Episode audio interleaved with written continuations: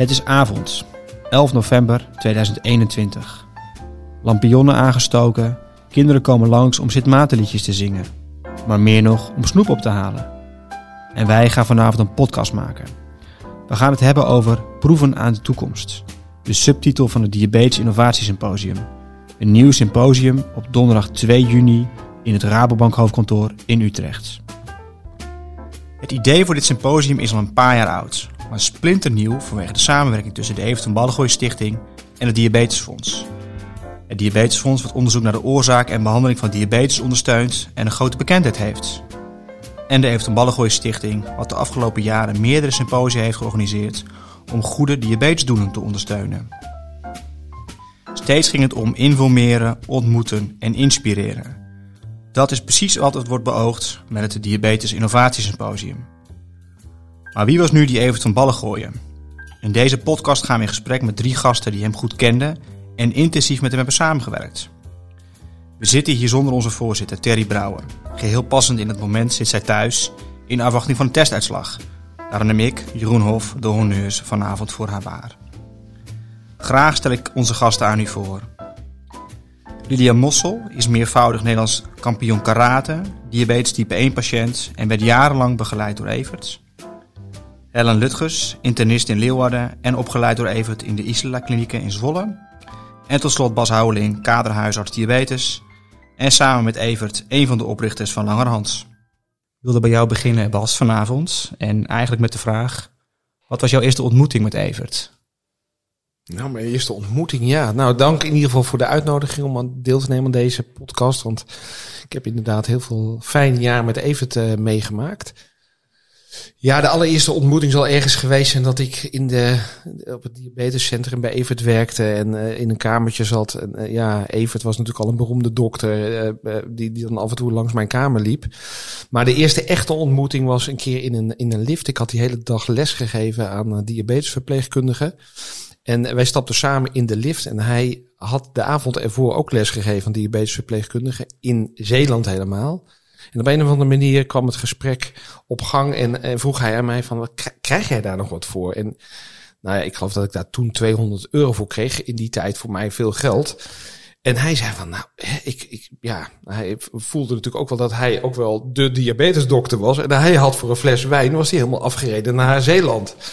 Dus dat was, nou ja, het moment waarin wij eh, contact kregen en, daarna zijn we heel snel gaan praten over, volgens mij moeten we samen gaan werken en moeten we onderwijs gaan geven met Simon Verhoeven, die hij al goed kende, en, en onze collega Henk, uh, Henk Bilo. En, en, en moeten we gewoon zonder tussenpersonen onderwijs gaan geven aan huisartsen, verpleegkundigen. En nou ja, zo is Langehans ontstaan. Ja, leuk, leuk. Ik heb ook eens verhaal gehoord over een, een zekere weddenschap. Dat dat een van jouw eerste ervaringen was met Evert. Wat kun je daarover vertellen? Ja, dat is, nou ja, dat is ook een van inderdaad de eerste ervaringen. In die tijd deed ik onderzoek en, en, en ik was heel enthousiast over een, een, een, stukje onderzoek wat we deden naar de effecten van chroom.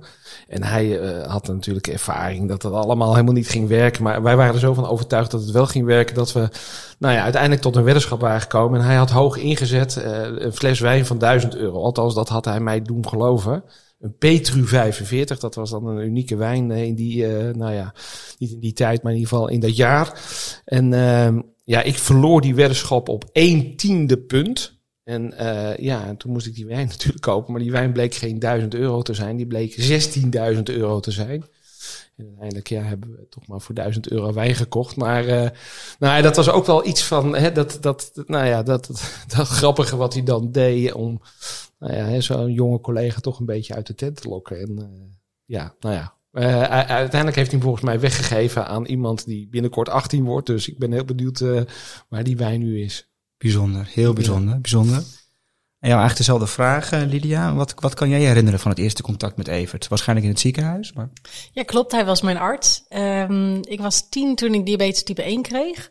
Uh, ik was elf toen ik in het Nederlands karate-team stond. En twaalf toen ik naar een internist ging. De kinderarts die vond het wel ingewikkeld met uh, topsport en diabetes. En ik kwam toen bij Evert en nou, eigenlijk, het was heel duidelijk. Hij zei, nou, opgeven is helemaal geen optie. Dat is ook helemaal niet nodig. Nou, dat was ook eigenlijk helemaal niet iets waar ik over had nagedacht. Dus uh, ik ging al vroeg op een insulinepomp. Uh, in die tijd was het nog best wel bijzonder. Maar wat voor mij het meest bijstaat, is dat hij tegen mij zei: opgeven is geen optie. We gaan iets verzinnen. Hij was dus niet alleen arts, maar ook zeker een motivator. Zeker, maar um, ook later ben ik pas gaan beseffen dat dat, dat dat nog wel een mogelijkheid was geweest om te gaan stoppen. Dat was gewoon, het kwam niet op in mij. Nou, hij liet mij heel duidelijk merken dat dat uh, ook echt helemaal niet hoefde. Uh, maar pas later waren er mensen tegen, die tegen mij zeiden van, nou, maar waarom ben je, ben je überhaupt nog doorgegaan en wat ingewikkeld met diabetes? Maar nou, dat, dat hoorde gewoon niet in mijn mogelijkheden. Ook aan jou de vraag, Helen. Wat is jou het meeste bijgebleven van Everts, als je dat zo zou moeten zeggen? Ja, ik ken hem vooral als uh, internist in opleiding in, in Zwolle, Isela Klinieken. En uh, daar zaten we dan als uh, onervaren internist in opleiding hartenshoegen op afdeling B5 in de artsenkamer. En dan was je afhankelijk van wanneer de supervisor langskwam. En ja, je probeerde alles natuurlijk op tijd af te hebben. En soms zag je een hele dag even niet en dan ineens wapperde een witte jas voorbij en dan kwam even binnen. En ja, dan, dan viel het me gewoon op dat hij binnen no time had hij precies uh, in de gaten ja, bij welke patiënten het niet goed ging en welke patiënten uh, het wel goed zou gaan. Dus hij had eigenlijk binnen no time in de gaten ja, waar hij mee moest denken. En ja, dus zijn, zijn, zijn kundigheid en zijn, zijn buikgevoel, daar, dat is mij erg bijgebleven. Dat hij ja, binnen no time dat allemaal door had. En dat ja, dat inspireerde mij ook enorm als internist. Om zo'n internist als uh, ja, leermeester te hebben eigenlijk. Kon dus heel op zijn gevoel vertrouwen? Hij kon echt op zijn gevoel vertrouwen. Uh, kwam ook wel eens op zijn poli langs en dan uh, ja, viel het me op dat zijn onderzoekskamer helemaal vol stond met, uh, met dozen van materialen of wijn of wat hij had gekregen. Misschien wel via Bas, maar uh, in ieder geval uh, ja, niet een plek waar je patiënten onderzoekt. Uh, maar ja, hij, hij, hij, hij zag de patiënt en, en, en kon uh, door goed te luisteren, wist hij precies uh, ja, wat er aan de hand was. En had hij eigenlijk lichamelijk onderzoek niet meer nodig. Ja. Dus dat, ja, dat heeft me wel geïnspireerd inderdaad, ja. We maken deze podcast in het kader van het Diabetes Innovatie Symposium. Wat vooral gaat ook over technologie en ontwikkelingen. Waarom past dat thema technologie en innovatie nou zo bij Everts? Ja, als ik aan Everdin dan denk ik aan insulinepompen. Dat is toch echt wel de pionier uh, voor de insulinepompen in, in Nederland. En ja, daarom werd Lydia natuurlijk als kind ook al naar Evert verwezen. Um, in de jaren tachtig daarop gepromoveerd. En ja, uniek proefschrift over de subcutane insulinepomp. Prachtige ontwikkeling in die tijd. En ja, hij was daar uh, heel erg mee bezig. Ook uh, buitenlandse congressen proberen uh, ja, gesprekken met iedereen aan te gaan. Wat er gaande was, wat de ontwikkelingen waren. Dus dat, uh, ja, om te kijken toch wat de beste ontwikkelingen waren voor zijn patiënten. Ja, een voorloper dus, in het ja, belang van de patiënt. Zeker, ja. ja. ja. Kan je daar wat over zeggen, Lydia? Wat die technologie nou uiteindelijk voor jou betekend heeft? Ja, nou wat voor mij het meest belangrijke was, is dat hij mij heeft geleerd om mijn eigen arts te zijn. Dus echt het stukje autonomie bij mij te laten. Uh, hij was daarin heel duidelijk, uh, je bent een aantal minuten per jaar bij mij en de rest ga je het zelf doen. Dus hoe gaan we zorgen dat jij het zelf kunt doen? In plaats van een arts die gaat vertellen welk getalletje, uh, welk bloedsuiker, hoeveel insuline betekent, ging hij echt kijken wat is oorzaak gevolg en hoe kun je dit dan voorkomen. Leer naar je lichaam te luisteren. Ja, neem dus de regie.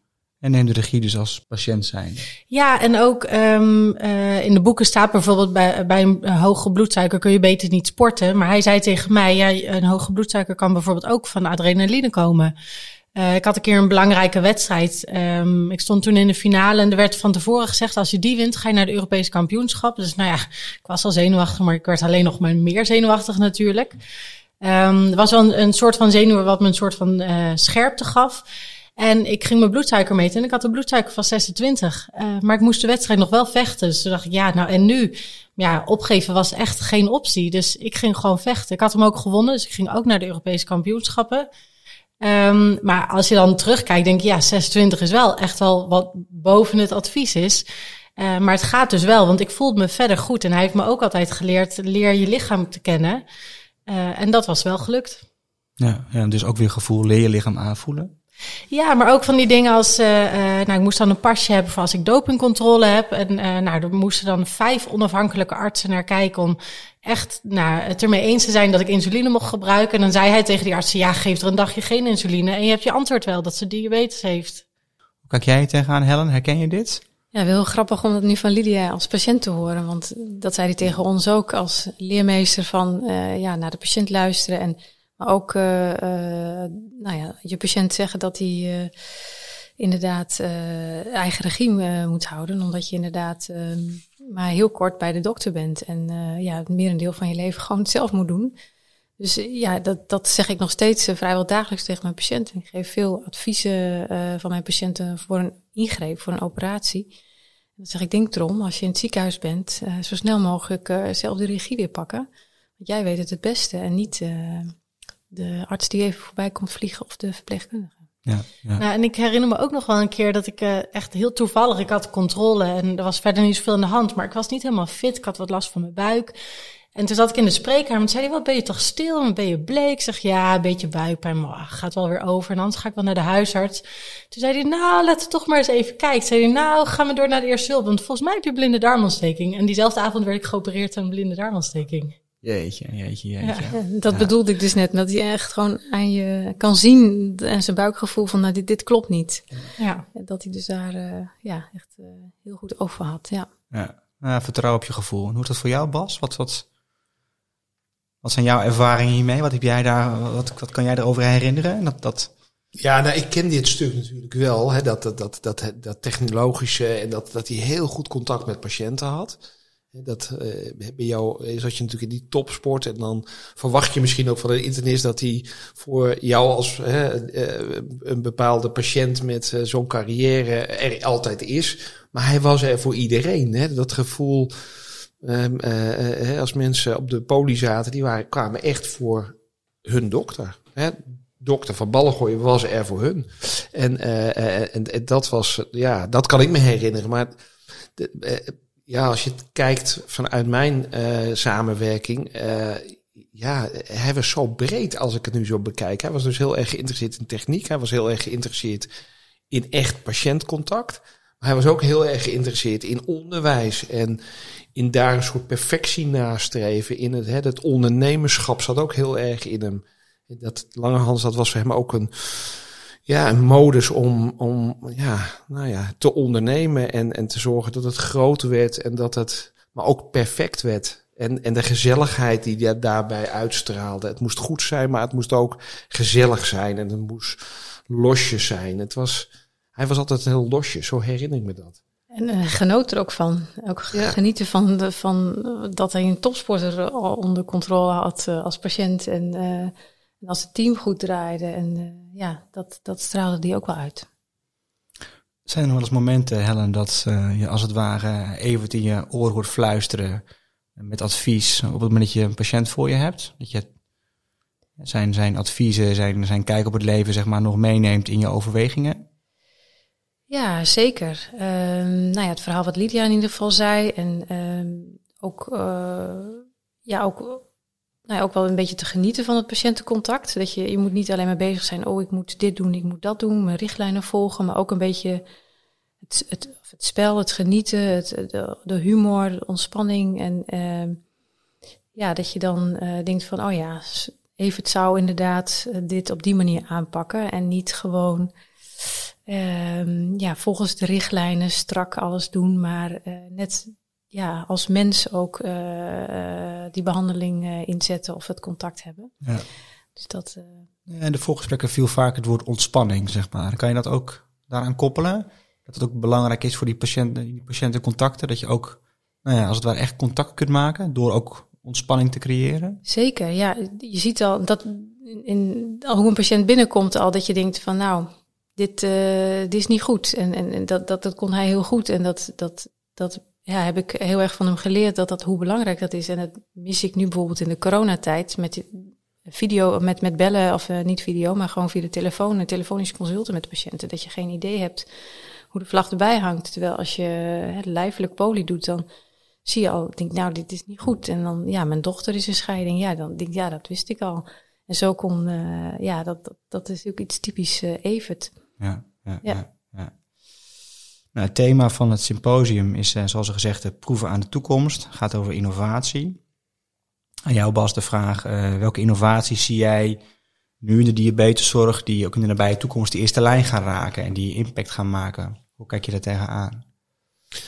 Nou ja, er zijn een heleboel ontwikkelingen die de afgelopen jaren in de tweede lijn uh, uh, doorgeëvalueerd zijn, zoals de, hè, de, de FGM, hè, de, de, het, het, het, van, het, het meten zonder prikken. Ja, dat is iets wat wij nu ook in de eerste lijn doen. Dat had Evert fantastisch gevonden, denk ik, dat we daarmee de insulinetherapie een enorme boost kunnen geven in de eerste lijn. Want ja, als we het over insulinetherapie gaan hebben, hè, dan heb je het ook over Evert. Hè. De huisartsen, alle huisartsen in Nederland zijn insuline gaan doen, omdat Evert vertelde dat wij het ook zouden kunnen in de eerste lijn. En dit stukje technologische ontwikkeling met zo'n sensor, dat zou hij fantastisch hebben gevonden. Nou, dat is iets, en er komt binnenkort een nieuwe NAG-standaard uit met nieuwe behandelmogelijkheden die echt heel anders zijn. Nou ja, hij was de eerste internist die in een huisartsenrichtlijn zat. Dus de de diabetesstandaard waar een internist aan meeschreef. En dat was Evert dan. Ja. ja. ja. Is er nou iets wat je kan noemen wat Evert nou bij uitstek typeert? Iets anders dan iets de, de, de menselijk de, de, van de mens Evert? Ja, we hebben het net al een beetje genoemd. Er was dus een dokter die heel goed met patiënten overweg kon. Hij was een enorme goede docent. Hij kon de, de, de, de moeilijke dingen op een hele makkelijke manier vertalen. Hij kon praktische richtlijnen maken, zoals de 246-regel, die nog steeds gebruikt wordt in heel het land. Maar wat hij ook deed, Helen, dat weet jij ook nog. Dat hij zo'n kerstverhaal bijvoorbeeld schreef voor het diabetesteam. Hè. Wij werkten daar met diabetesverpleegkundigen, internisten, internisten in opleiding, artsonderzoekers. En dan één keer per jaar schreef hij het kerstverhaal. Ja. En dat was, iedereen zat daar een beetje aan, die waren echt wel een beetje eh, ja, te rillen van hoe gaat het kerstverhaal dit jaar? Want ja, de, iedereen werd er wel in genoemd. Je kreeg een soort rol in een kerstverhaal. Eh, want volgens mij, Beb, heb jij nog die, uh, die, die, die, stukjes liggen van die kerstverhalen? Want dat heb je wel eens verteld dat je die nog had. Kunnen we daar, kunnen we daar iets, kan je daar iets van vertellen? Um, oh ja, Bas, ik heb inderdaad nog een kerstverhaal. Ik heb hier een kerstverhaal uit 2001. Een kerstverhaal wat zich in, de, in het jaar 2007 afspeelt. Dat deed hij altijd. Hè? Verhalen schrijven die zich dan in de toekomst pas zouden voorstellen. Uh, hoe heet het? Plaatsvinden, Plaatsvinden, ja. Ja, ja, Nou, ik ga voorlezen. Uh, het was koud. Bitterkoud. Een ijzig snerpende polwind joeg meedogenloos over het Veluwe massief en beukte op deze 24 december 2007 onophoudelijk op afgelegen boerenhoeven en boswachterswoningen. De ruwe, maar hartelijke bevolking had de luiken gesloten en zich geschaard om de behagelijk snorrende houtkachels om zich te verdiepen in het wonder dat zich meer dan 2000 geleden had afgespeeld in een stal in het verre Bethlehem. Alleen twee kleine lichtjes bewogen zich moeizaam over de donkere besneeuwde wegen. Het was een auto. Een kleine auto. Een kleine gele auto. De auto van MCC Klik. Achter het stuur zat Gerda. Zuster Gerda.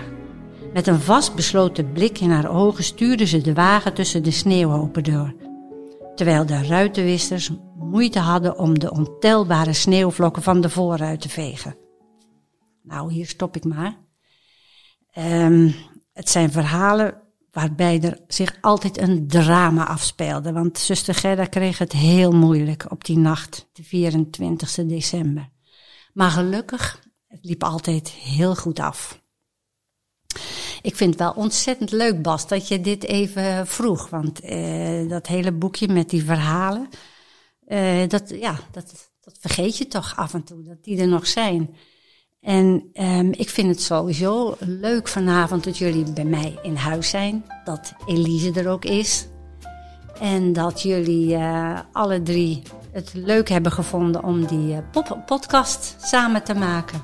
Echt zeer bedankt. Ik vind dat we daar maar een lekker glas wijn op moeten gaan drinken. Gaan we doen. Heel, gedaan. Ja, dankjewel ook uh, voor deze plek waar we vaak met elkaar hebben gezeten. Zeker.